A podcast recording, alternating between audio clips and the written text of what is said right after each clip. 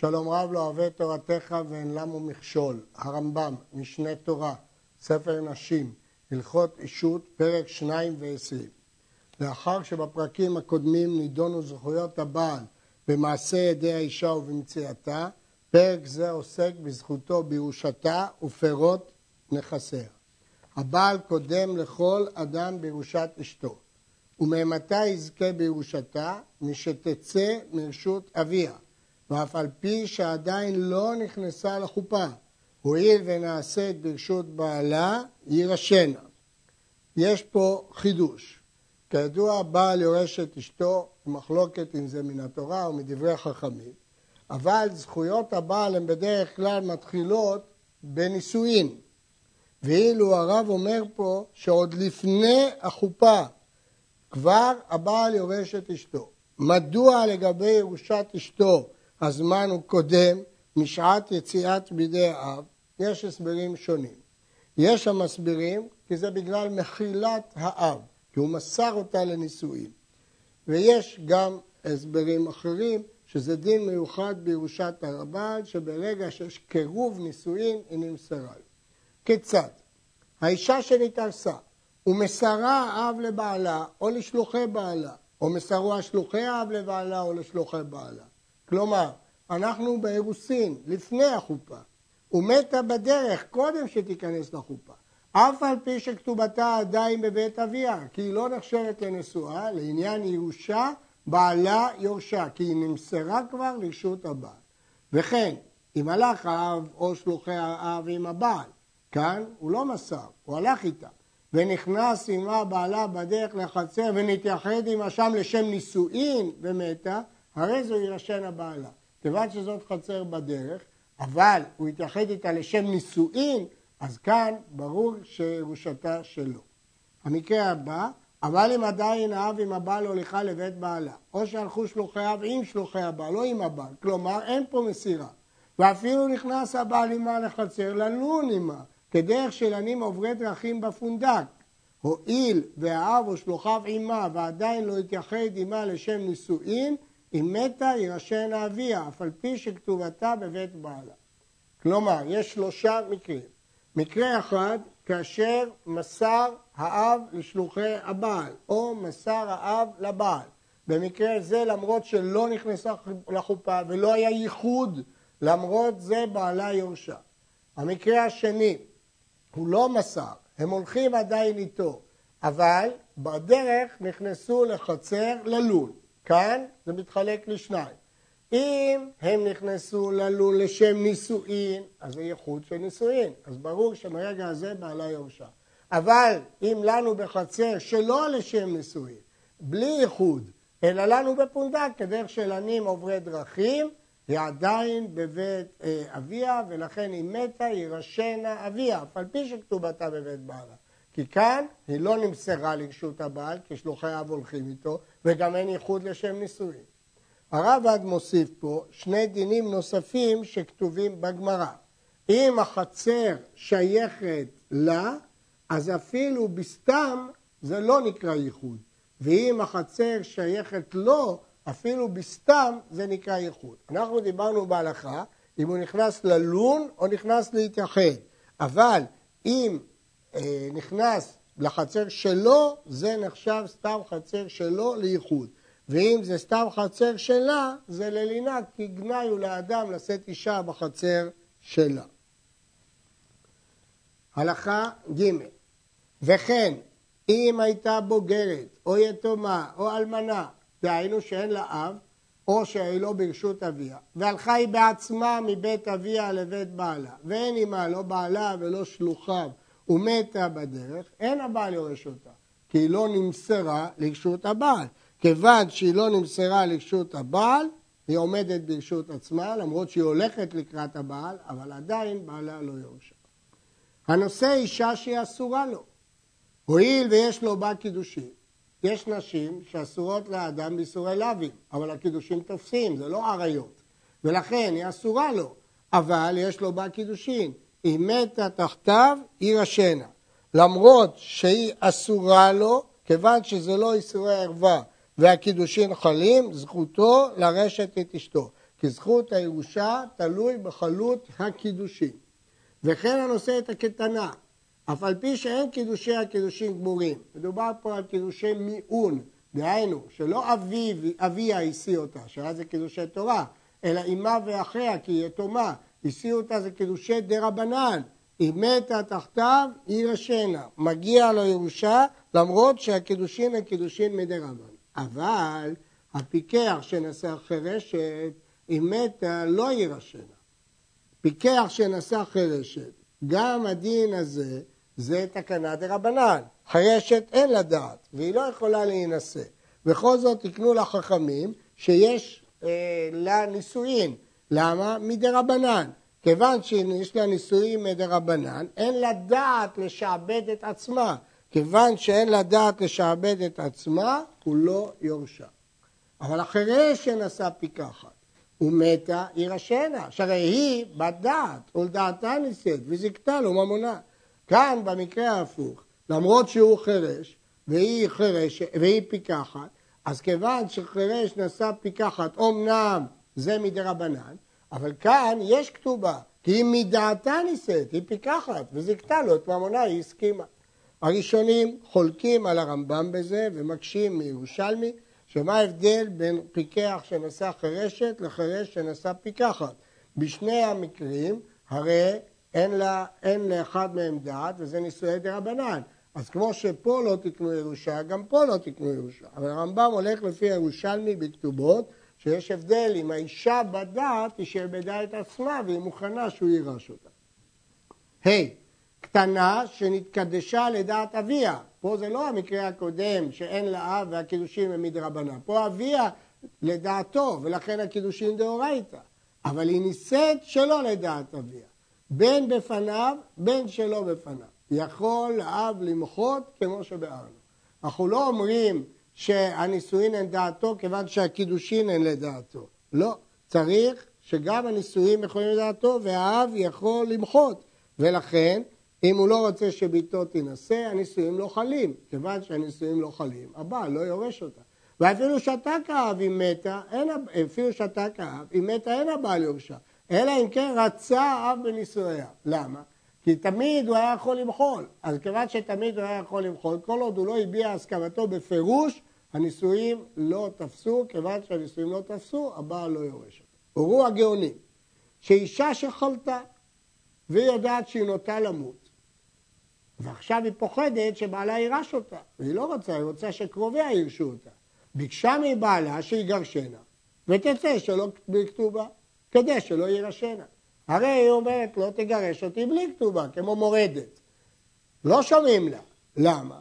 אפילו אמרה, אני שונאה אותו ואיני רוצה לעמוד עמו. שאתם זוכרים שהרמב"ם אמרה שאם האישה אומרת מאיס עליי, כופים אותו להוציא אותה, כי היא לא שפחה, היא לא שבויה.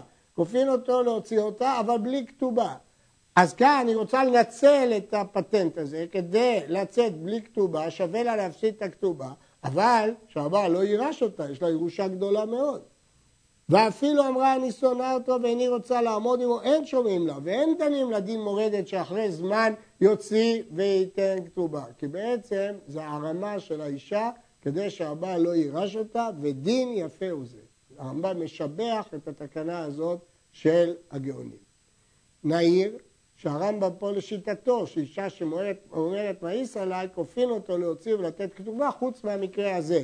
אבל ראשונים אחרים שם חלקו כזכור ואמרו שלעולם אי אפשר לחוף את הבעל להוציא את אשתו אפילו בלי כתובה ולכן הדין הזה לא שייך לדעתה. כל נכסים שיש לאישה, בין נכסי צאן ברזל, בין נכסי מילוג, הבעל אוכל כל פירותיה בחייה.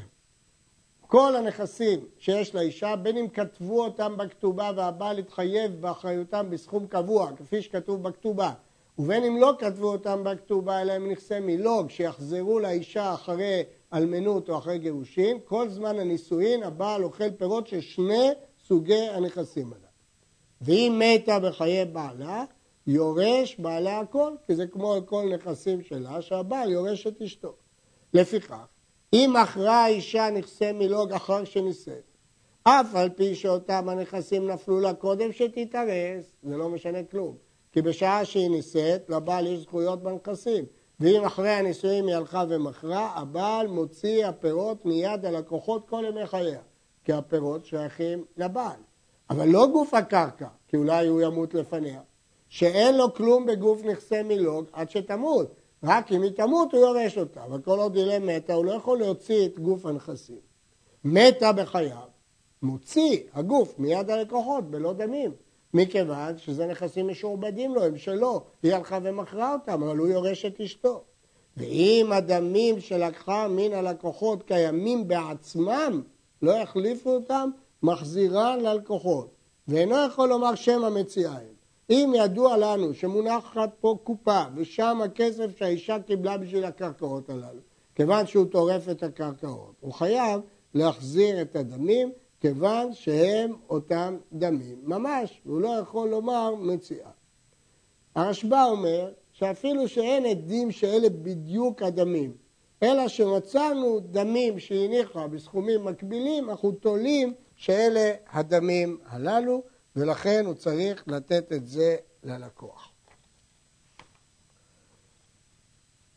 נמשיך בהלכה ח' במה דברים אמורים? בנכסים הידועים לבעל, אבל אם נפלו לנכסים במדינה אחרת ולא ידע עליהם הבעל, ומכרה אותם מכרה קיים. במשנה כתוב רבי שמעון חולק בין נכסים לנכסים. נכסים הידועים לבעל לא תמכור והיא מכרה בטל. שאינם יודעים לבעל לא תמכור מכרה קיים. וכן ארוסה שמכרה קודם הנישואין מכרה קיים. שאין לבעל בנכסי ארוסתו כלום עד שיכנוס. אמרנו שכל הזכויות הבעל בנכסי אשתו זה אחרי הנישואין. בין האירוסין לנישואין, הנכסים הם שלה לגמרי, ולכן אה, מכרה קיים. נשים לב, אה, הרמב"ם אומר שנכסים שאינם ידועים לבעל הם מכרה קיים, הוא לא אומר שלכתחילה תמכור. משמע שאם אינם ידועים לא התרנו לה למכור לכתחילה, אלא שאם מכרה בדיעבד הבעל לא יכול להוציא ביד הלקוחות. אבל משמע שזה באמת כן שייך לבעל, הוא רק לא יכול להוציא את זה מיד הלקוחות. זה לא כמו הדין של ארוסה. למה בכלל יש חילוק בין אם ידועים לבעל או לא ידועים לבעל? כותב הראש בשם הרמה, פירות נתקנו לאישה כנגד פדיונה, שאחרת הבעל לא יסכים לפדות אותה אם תיפול בשבי. גם זה נכון רק בפירות שהבעל יודע עליהם, שאם הוא יאמר, היא אוכלת את פירותיה ואני אפדה אותם, אבל פירות שהוא לא יודע עליהם, לא שייך הטעם הזה, ולכן הוא לא יורש אותם. האישה שכתבה כל נכסיה לאחר, בין קרוב, בין רחוק, קודם שתינשא. אף על פי שאם נתגרשה או נתאלמנה, תיבטל המתנה, כמו שהתבהר בהלכות מתנה, אין הבעל אוכל פירותיהם, ואם מתה אינו יורשן, שהרי נתנה אותם קודם שתינשא. וכשתמות בחיי בעלה, יקנה מקבל המתנה, מתנתו קניין גמור. הדין הזה נקרא דין מברחת. מברחת פירושו אישה שנותנת את כל נכסיה במתנה לפני הנישואים כדי להבריח את הנכסים מבעלה. ובכן הדין הזה של דין מברחת. אם היא התגרשה או התאלמנה, מתבטלת המתנה. למה? כי אנחנו כולנו יודעים שהסיבה שהיא נתנה את זה במתנה זה רק כדי שבעלה לא יירשנה.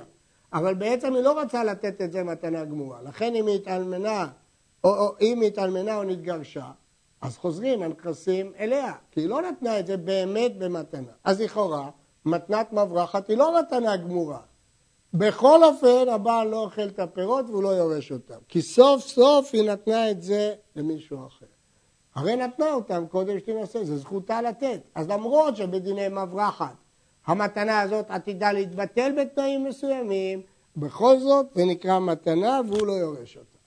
וכשתמות בחיי בעלה יקנה מקבל המתנה מתנתו קניין גמור. כי כל מה שהדין של מברחת, שאם הוא ימות לפניה, בעלה והיא תתאלמן, הנכסים יחזרו אליה. אבל סוף סוף, אם, ימו, אם היא תמות בחיי בעלה, הקניין יהיה גמור למרות שהיא מברחת. לכן זה קניין גמור, ולכן הבעל לא יכול לאכול פירות ולא יכול לרשת. ולא עוד, אלא אפילו נתנה מקצת נכסיה, או כולם קודם נישואיה, וכתבה על המקבל, קנה מהיום ולכשירצה. שהרי לא קנה קניין גמור עד שתרצה, אין הבעל אוכל פירות אותה מתנה, והיא מתה אינה ירושה. היא נתנה את הנכסים בתנאי, מהיום וכשהיא תרצה. הדין הוא שזה לא קניין גמור, עד שתרצה. בכל זאת, הבעל לא אוכל פירות והבעל גם אה, לא יורש אותה. מדוע? כי בפועל היא הבריחה את הנכסים מבעלה, למרות שהיא עשתה את זה על תנאי. שומרת יבם, אלמנה שבעלה מת ללא ילדים, וממתינה שאחד מאחי בעלה ייבם או יחלוץ לה. והיא עכשיו בהמתנה, שומרת יבם, זקוקה לייבום. יש לה למכור וליתן בנכסים שנפלו לה כשהיא שומרת יבם. עדיין אין לה קשר נישואים עם היבם, אמנם היא זקוקה לו, אבל הוא עדיין לא ייבם אותה. ואין לה יבם פירות אפילו בנכסי צאן ברזל שהכניסה לאחיו, עד שיכנוס. קודם שהוא ייבם, למרות שזיקה מסוימת ביניהם, הרי יכולים להיות שיהיו כמה אחים. למרות שזיקה לכל אחד מהאחים, רק אחד מהם ייבם, ולכן אין לו זכויות נישואים עד שייבם. מתה כשהיא שומרת יבם, מי יירש? יורשיה מאביה יורשים נכסי מילוג שלה וחצי נכסי צאן ברזל, ויורשי בעל יורשים כתובתה וחצי נכסי צאן ברזל, ויורשי הבעל חייבים בקבורתה. וכן שיטת הרמב"ם. ישנה מחלוקת במשנה בין בית שמאי ובית הלל, והבית הלל אומרים נכסים בחזקתן. כיוון שיש לנו ספק, אנחנו הולכים אחרי חזקה. מהי החזקה? הכתובה בחזקת יורשי הבעל, ולכן הם אלה שיורשים את כתובתה. אבל נכסי מילוג זה בחזקת האישה, ולכן יורשיה יורשים אותה. בנכסי צאן ברזל זה ספק, ולכן זה יחלוקו. זאת שיטת הרמב"ם. הסיבה שיבם לא אוכל פירות, מסביר המגיד משנה, שפירות הם כנגד פדיון, ויבם לא חייב לפדותה, לכן הוא לא אוכל פירות. המגיד משנה מקשה. אם אמרנו שבירושה היורשים מקבלים את חצי מהפירות של נכסי צאן ברזל, אז אם כן, למה הם לא אוכלים את הפירות שלהם? התשובה היא ברורה, ברור שהרמב"ם לא התכוון שיש ליבם זכות ממש בנכסי צאן ברזל, זה רק זכות ירושה, אבל אין לו זכות פירות. הרעב"ד בהשגה מביא שיטה אחרת, שנכסי צאן ברזל כולם הולכים ליורשי הבעל, ובנכסי מילוג יחלוקו, אבל זה תלוי בפירוש הגמרא. הלכה י"א שומרת יבם כתובתה על כל נכסי בעלה, לפיכך אין היוון יכול למכור בנכסי אחיו בין קודם ייבום בין אחר ייבום. ואם מכר או נתן מתנה, או חילק עם אחיו בנכסי המת, בין קודם ייבום בין אחר ייבום, לא עשה כלום, שכבר נתחייבו נכסים אלו לאלמנה לגבות מהם כתובתה. הבעל הראשון שמת חייב לאישה כתובה, ולפי תנאי כתובה כל נכסיו משועבדים לכתובתה. ולכן היוון אין לו רשות למכור בנכסים האלה כמשועבד, עד שהיא תגבה את כתובתה כמשועבדים לכתובה, והוא לא יכול להגיד, והרי אני מתכוון לייבב אותה, זה לא משנה, כיוון שהנכסים אחראים לכתובתה, משועבדים. עכשיו, בבעל רגיל, למרות שהנכסים שלו משועבדים לכתובה, אין מניעה שלו למכור מנכסיו, אבל בשומרת יוון, ליוון כן יש מניעה למכור בנכסים. למה? ושם הבעל כתב כתובה. פה מי שכתב את הכתובה מת, ולכן הנכסים שלו משועבדים, אז השני שיבוא במקומו לא יכול למכור את הנכסים הללו. כנס את יבינתו, והניח אחיו פירות מחוברים לקרקע, יימכרו, ויילקח מהם קרקע, והיבם אוכל פירותיהם. עכשיו הוא כנס את יבינתו על סמך כתובה שכתב אחיו, אבל הקרקעות שהשאיר אחיו משועבדים לכתובה.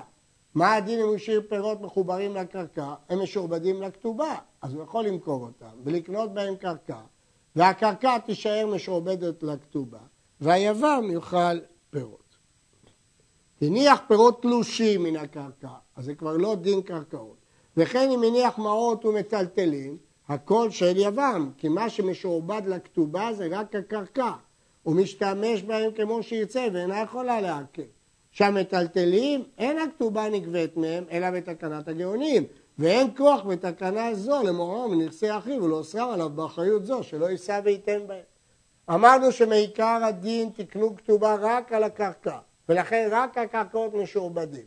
אמנם הגאונים תקנו שגם גובים כתובה מהטלטלים, מהמטלטלים, אבל אין כוח לתקנה הזאת של הגאונים להפוך שהמטלטלים משועבדים והיבם לא יכול למכור שום דבר. נמשיך. יבמה שלא הייתה לה כתובה, או שמחלה כתובתה. זכה בנכסי אחיו, הוא מוכר ונותן כחפצו, כי שום דבר לא משועבד לכתובה, כי היא כבר מחלה על הכתובה. וכשיכנוס את יבימתו, יכתוב לה כתובה מנה, כי אסור לחיות עם אשתו בלא כתובה, מנה כי היא כבר אלמנה, ויהיו כל נכסיו אחרים בכתובתה, כשאר כל הנשים שיש להם כתובה. אבל זה לא הנכסים של אחיו, הנכסים של האחרים לא משועבדים כי אין שום כתובה, כי מחלה להרחיב את הכתובה.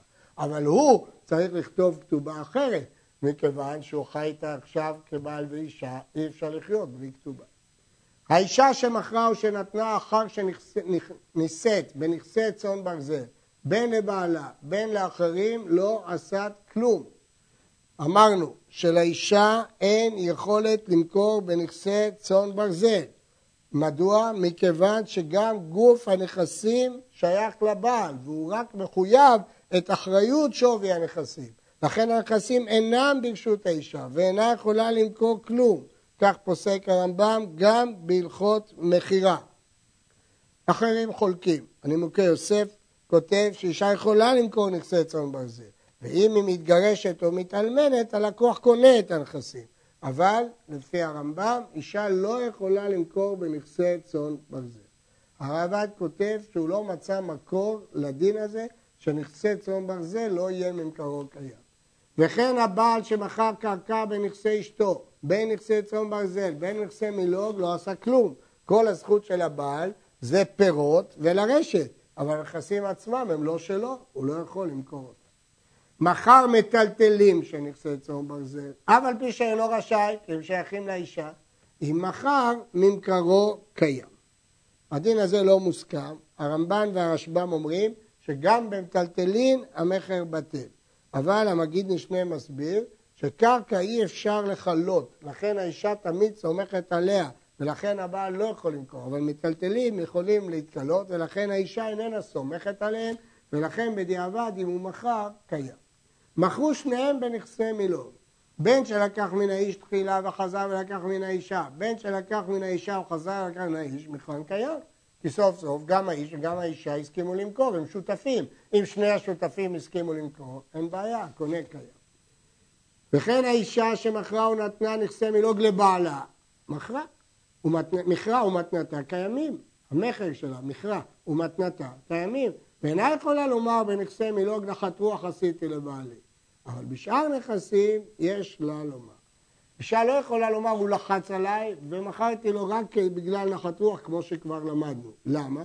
כי גוף נכסי מילוג הוא שלה, לא יהיה איבה אם היא תסרב למכור. אבל בשאר נכסים היא יכולה לומר לא מכרתי ברצינות, אלא רק שלא יהיה לו איבה כלפיי. כיצד? האישה שמכרה או נתנה לבעלה מנכסי צאן ברזל, לא בנכסי מילוג. בין קרקע ומיטלטלין או שדה שייחד לכתובתה או שדה שכתב לה בכתובתה או שדה שהכניס לה שום משלו, לא קנה בעלה. למה? כי היא יכולה להגיד נחת רוח עשיתי לבעלי. ואף על פי שקנו מיד האישה ברצונה, חוזרת בכל עת שתרצה. למרות שעשו מעשה קניין, הקניין הזה לא מחייב, כי זה הכל היה כדי לעשות לו נחת רוח. שלא נתנה לו ולא מכרה לו לפני דרכי שלום, ולפיכך אין לבעל ראייה כלל בנכסי אשתו, הוא לא יכול להביא שום ראייה שהוא קנה את זה מאשתו, חוץ מנכסי מילוג כמו שביארנו. בנכסי מילוג אין את הספירה הזאת של נחת רוח עשיתי לבעלי, ואם היא מכרה, היא מכרה. אבל בנכסי צאן ברזל, היא יכולה תמיד להגיד, סתם, מכרתי כדי שלא יש איבה, יש שלום בית, אבל המכר בטל, אפילו שלקחו ממנה קניין. אמרנו שהביאור הוא שבנכסי מילוג היא לא יראה מן הבעל, כי כולם יודעים שזה שייך לה, אבל נכסי צאן ברזל, כיוון שלבעל יש זכות בהם, היא יראה ממנו. י"ט נכסי צאן ברזל שעבדו או שנגנבו ומחלה אותם האישה לבעלה וקנו ממנה בעדים. יראה לי שאינה יכולה לומר נחת רוח עשיתי לבעלי. אה למה זה דומה? למי שקנו מידה שאין לה אחריות שיחזירה נכסים אלו נכסי מילון. שהרי אין הבעל מביא ראיה ליטול כלום ולא להחזיק מנכסיה, אלא להיפטר מתביעתה לשלם. פירוש הדברים. נכסי צאן ברזל שעבדו או שנגנבו. בעצם האישה יכולה לתבוע את הבעל. להגיד לו, אדוני, אני נתתי לך נכסי צאן ברזל, מלוג, תחזיר לי אותם, אתה חייב על גניבה ואבדה. אבל היא מחלה לו על התביעה הזאת. כאן אי אפשר להגיד שהמחילה נקראת נחת רוח עשיתי לבעלי. למה? כי הוא לא רוצה לקחת ממנה כלום. כל מה שהוא רוצה זה לוותר. אז לכן, כיוון שכך, הסברה הזאת, עשו ממנה קניין, אז היא כבר לא יכולה לומר נחת רוח עשיתי לבעלי. הרעב"ד אה, אומר שהוא לא מבין את הסברה הזאת, כי ממה נפשך? אם זאת הסברה, מה ההבדל אם עשו קניין או לא עשו קניין? תמיד היא לא יכולה לומר, נחת רוח עשיתי לבעלי. הרמב"ם מצרף פה צירוף של שני דברים, שקנו ממנה בעדים, וגם שזה רק ויתור על תביעה. ויתור על תביעה לא שייך לומר נחת רוח עשיתי לבעלי. מביא הרמב"ם דוגמה, כמו שאישה לקחו ממנה קניין שאין לה אחריות, אז זה לא ממש נתנה משהו שלה, היא רק ויתרה על זכות האחריות. אבל אם נתנה לו מתנה מטלטלי צאן ברזל הקיימים, לא קנה, מפני שיש לה לומר נחת רוח עשיתי לבעלי. כל דבר שהיא נותנת לו משלה, תמיד אפשר לומר נחת רוח עשיתי לבעלי. הכסף משנה מדייק. מהביטוי חוזרת בכל עת שהיא תרצה, שאמרנו שמכירת הנכסים לא מתבטלת באופן אוטומטי, אלא שאם האישה רוצה לחזור, היא צריכה לחזור בה והיא תוכל לחזור. אבל אם בסתם, המכר לא מתבטל. בעל שמכר קרקע לפירות. הבעל טוען, הרי יש לי זכות פירות בתוך הקרקעות של האישה, אני אמכור למישהו אחר את הזכות הזאת. אני אמכור למישהו את הקרקע לפירותיה. זו אותה זכות שיש לי. למה אני לא יכול למכור אותה? מפני שלא התקינו פירות לאיש, אלא כדי להרוויח בהוצאת הבית. זה לא סתם הטבה כספית שהוא יכול לממש אותה. רוצים בכוונה שהוא ייקח את הפירות כדי לכלכל בזה את הבית, לא שימכור את זה למישהו אחר. לפיכך, אם מכר לפירות ולקח אותם עוד לעשות בהם סחורה לטובת הבית, שומעים לו. לא להוציא את הכספים מן הבית. היו לאישה כספים. אם נכסה צאן ברזלם, הרי זה נושא ונותן מהם, כי הוא כבר התחייב את מה שהוא קיבל. אם הוא ירוויח, ירוויח, אם הוא יפסיד, יפסיד. ואם נכסה מלוגם, כאן אין לו אחריות. ואם הוא יפסיד כסף, היא תפסיד. בין שהכניסה אותם לא בין שנפלו לה בירושה או ניתנו לה מתנה או נפלו לה מיטלטלים או ניתנו לה הרי אלוהים מכרו וילקח בהם קרקע והוא אוכל פירות. הוא לא יכול לשאת ולתת בהם. כי אם הוא יפסיד, היא תפסיד את הקרן שלה. הוא חייב לעשות מזה קרן, לקנות בזה בית, קרקע, לאכול את הפירות, להשכיר את הבית, לטוע בקרקע, אבל הקרן תהיה קיימת לעולם. מה שאין כן, אם זה כספי צאן ברזל, מה אכפת לה שהוא עושה מה שהוא רוצה, איזה סחורה, בסופו של דבר הוא יחזיר לה את אותו סכום שנקוב בכתובה. וכן האישה שחבלו באחרים, מגיע לה פיצוי על החבלה. כל המעות ראויות לתת לה מכל הסוגים שחובל חייו, יילקח בהם קרקע והבעל אוכל פירותיהם כמו שהתבהר בהלכות חובל. אנחנו לא רואים את זה כמתנה אישית לאישה, אלא כמו כל נכס שנופל לאישה, מממשים אותו והוא הופך להיות אה, עושה פירות. בהלכות חובל ומזיק רמב"ם מבאר שתשלומי שבט וריפוי של אשת איש שייכים לבעל, כמעשה ידיה שלו. תשלומי צער שייכים לבעל, נזק ובושת מתחלקים ביניהם. אבל אנחנו מדברים על התשלומים שהופכים להיות אה, נכסי מילוג והבעל אוכל את פירותיהם. נפלו לעבדים, היא קיבלה בירושה או במתנה עבדים. אף על פי שהם זקנים, הרי אלו לא יימכרו, הוא לא יכול למכור ולקנות בזה קרקע, פני שבח בית אביה. זה כבוד לאבא שלה שהעבדים האלה ממשיכים לעבוד במשפחה. נפלו לה זיתים וגפנים ולא היה לה בגוף הקרקע שהאילנות בהם כלום. אם עושים כדי טיפולם, לא יימכרו, מפני שבח בית אביה. זה כבוד למשפחה שאת זית זקן או גפן זקנה נמצאת שם. ואם לאו, אם כבר הפירות שלהם הוא פחות מהטיפול, להפסיד, ודאי שהוא לא חייב. הרי הם יימכרו לעצים, להסקה, ויילקח בהם קרקע והוא אוכל פירות. הלכה כ"ד נפלו לה פירות מחוברים לקרקע, הרי אלו של בעל. זאת מחלוקת תנאים והלכה שהם נידונים כקרקע. תלושים מן הקרקע שלה, וימכרו, ויילקח בהם קרקע והוא אוכל פירות, כמו כל נכסי האישה. אבל המגרש את אשתו, והיו לה פירות המחוברים לקרקע בשעת גירושין, הרי אלו שלה. ואם היו תלושים, הרי אלו שלו. בשעת גירושין הדין מתהפך, היא לוקחת את הקרקע בחזרה, אז פירות המחוברים לקרקע הם כקרקע, אז היא לוקחת גם אותם, אבל התלושים כבר שייכים לבעל, למרות שהוא לא הספיק לאכול אותם, כיוון שהם תלושים, דינם כדין פירות והם שייכים לו. עבדי נכסי מילוג ובהמת נכסי מילוג, האישה הכניסה עבד או בהמה, הבעל חייב במזונותיהם ובכל צורכיהם, והם עושים לו והוא אוכל פירותיהם. תמורת זה שהוא אוכל את הפירות של העבד, הוא חייב לזון אותו, לפרנס אותו. לפיכך, ולד שפחת מילוג לבעל, זה נקרא פירות. ולד בהמת מילוג לבעל, זה נקרא פירות. ואם גרשה, ורצה את האישה ליתן דמים וליטול ולד השפחה על פני שבח בית אביה, שומעים לה. בעצם הוולד שייך לבעל, כי זה כמו פירות תלושים.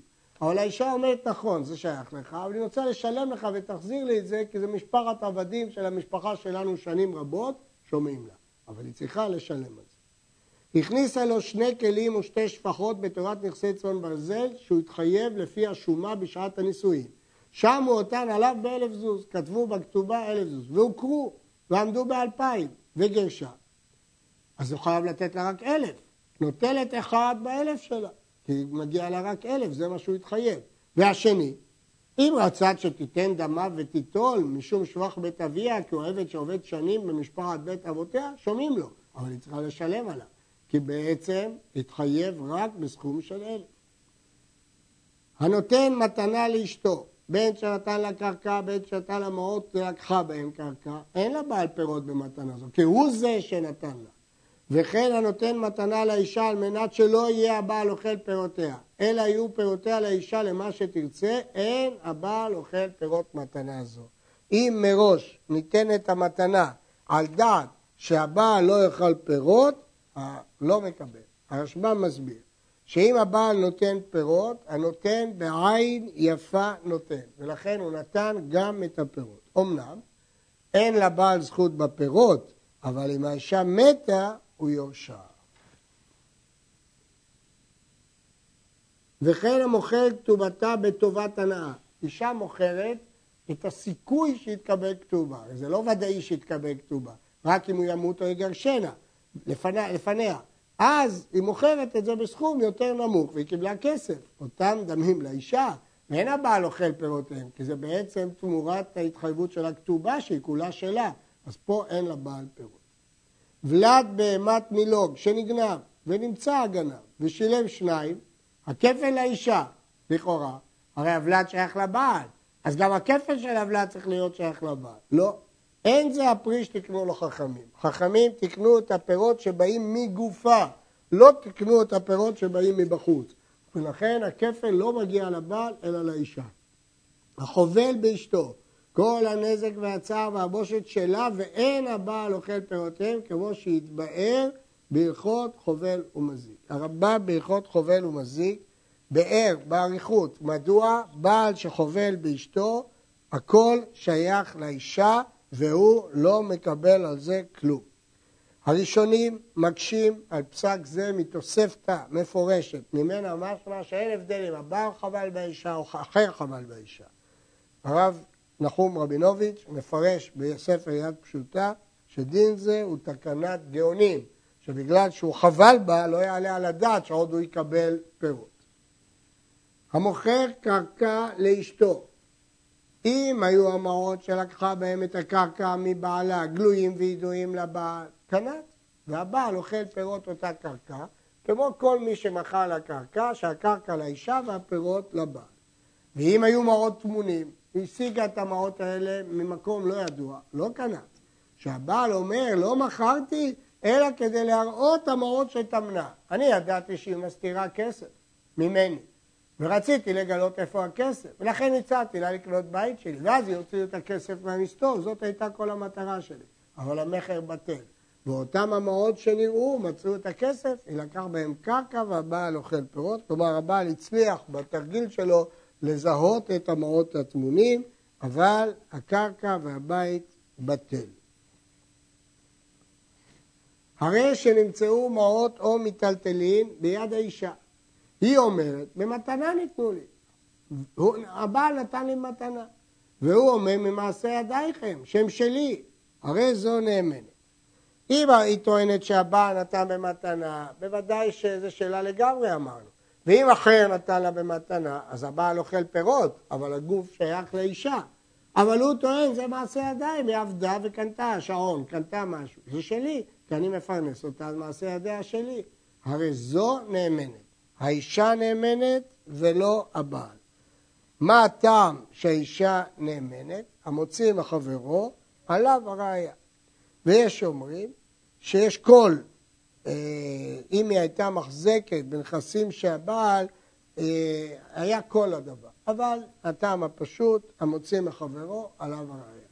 אבל הוא יכול להחרים אותו, ויש לו להחרים על מי שטוענת דבר שאינו כן. יש דין שאפשר להחרים. תמיד יכול לתתכם, זה תקנת הגאונים. תזכרו שפה הוא לא יכול לטעון טענת בריא, הרי הוא טען טענת שמא.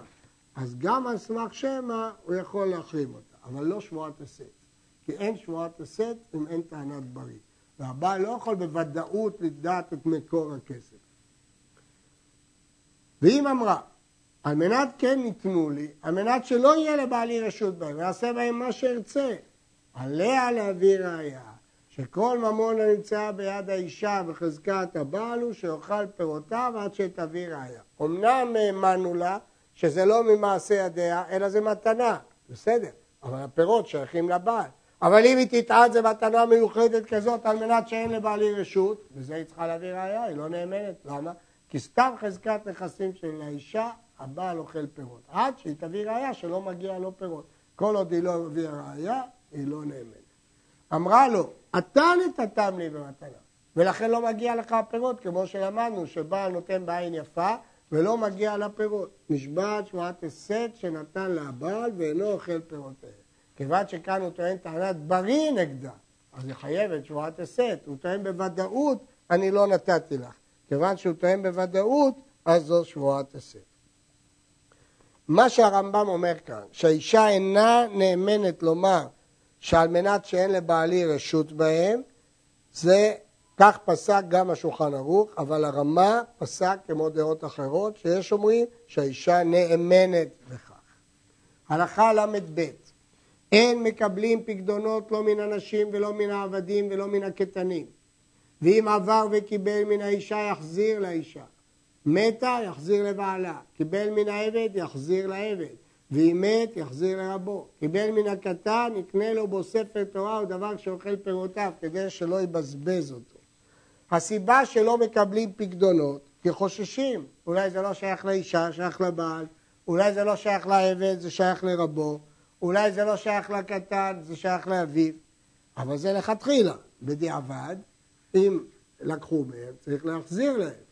אבל אם מתה, מתו, צריך להחזיר לבעלים. אמרנו שלקטן עושים לו בו אוצר.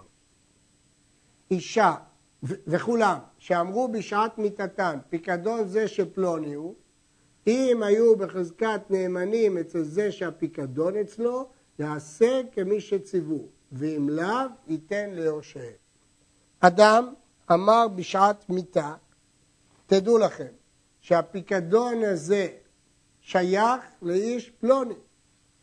כלומר, הוא הפקיד כסף בבנק, והוא מצהיר לפני המיטה שהפיקדון לא שלו, זה שייך למישהו אחר שנתן לו אותו בנאמנות. עכשיו הוא מת, היורשים באים, תובעים את הירושה שלהם מהנפקד, מהשומר. הוא אומר, לא, אבא שלכם הצהיר בשעת מיטה שזה שייך למישהו אחר. מה הדין? אם המפקיד נאמן על זה שהפיקדון אצלו, יעשה כפירושו. ואם לאו, יעשה פירוש לפירושו, זה לשון הגברה. אומר אם ייגש, יברר את הטענה של המפקיד, האם היא הגיונית או לא הגיונית. זה מה שאומר הרמב"ם. אם הוא נאמן אצלו, יעשה כמו שציוו המפקידים, כי הנפקד תמיד צריך לעשות כצוואת המפקיד. אם לאו, הוא רואה שיש פה איזו הערמה כדי להבריח מהיורשים, וזה הכל שקר, יינתן ליורשיהם. אישה שהיו לה כספים הראויות לבעל לאכול פירותיהם, אמרנו שאם יש לאישה כסף, סתם, רגיל, קונים בזה קרקע והבעל אוכל פירות. הוא אומר, כך וכך יילקח בהם. והיא אומרת, אני לוקח בהם ולקח וכך. הם מתווכחים איך להשקיע את הכסף. הוא רוצה להשקיע בדבר פלוני, והיא רוצה להשקיע בדבר אחר. לוקחים דבר שפירותיו מרובים ויצירתו מעוטה, בין שהיה דבר כרצונו, בין שהיה כרצונה.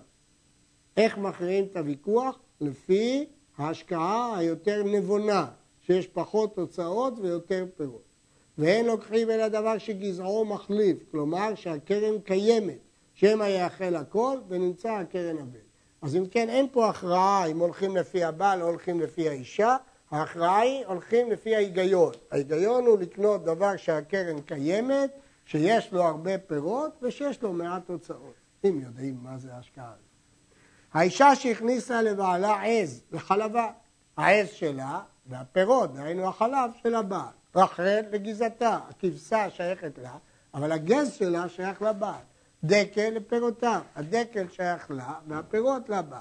אף על פי שאין לה אלא פירות אלו בלבד, הרי זה אוכל והולך עד שתכלה הקרן. יכול להמשיך לחלוב, לחלוב, עד שתכלה הקרן. וכן אם הכניסה לו כלי תשמיש בתורת נכסי מילון, הכניסה לו חלוק, הרי זה משתמש בהם ולובש ומציע ומכסה עד שיכלה הקרן. וכשיגרש אינו חייב לשלם הבליות של נכסי מילון. הייתה דעה בתלמוד שהוא חייב להחזיר משהו, איזשהו גוף, איזה בליות, אבל הרמב"ם לא פוסק כך, אלא שהוא יכול להמשיך ולאכול כמה שהוא רוצה עד שהקרן מתכלה כליל, כי סוף סוף כל מה שהוא אכל זה פירות.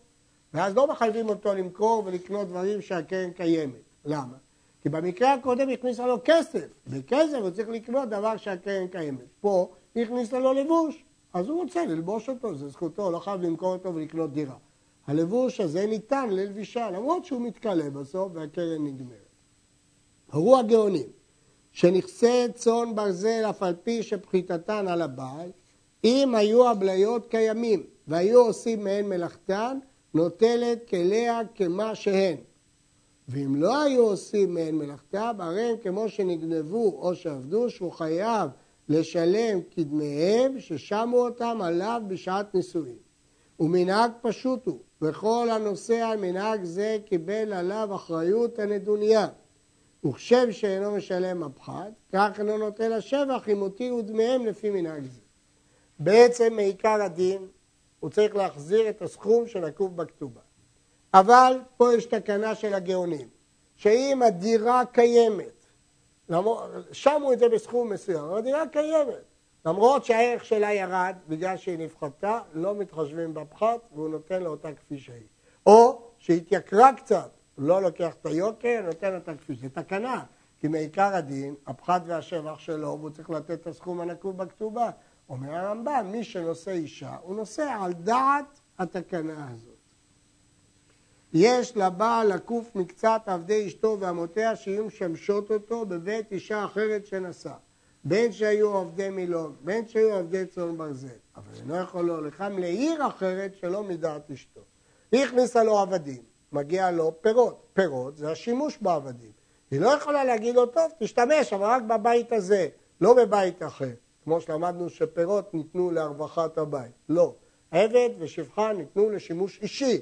ואני יכול ללכת גם ממקום אחר ולהשתמש. לכן הבעל, אפילו שהוא נשא אישה אחרת, יכול לקחת איתה את השפחה שהאישה הראשונה הכניסה לו. ככל שהדבר הזה נשמע מוזר, כי הפירות שייכים לו, ולכן הוא יכול לאכול אותם אפילו במקום אחר. אבל הוא לא יכול להוליכם לעיר אחרת, אלא בהסכמת אשתו. כלומר, אין רווח בטא. כל עוד הם בעיר הזאת, למרות שזה אצל אישה אחרת, סוף סוף יש סוג של רווח בטא, אבל להוליך לעיר אחרת, אסור. ההיגיון כנראה, שכשזה באותה עיר, אם היא תגמור לעבוד שם, היא תחזור הביתה ותסייע לאישה וכדומה, אבל בעיר אחרת היא בעצם מפסידה את כל השימוש שלה ולכן אין רווח בטא. עד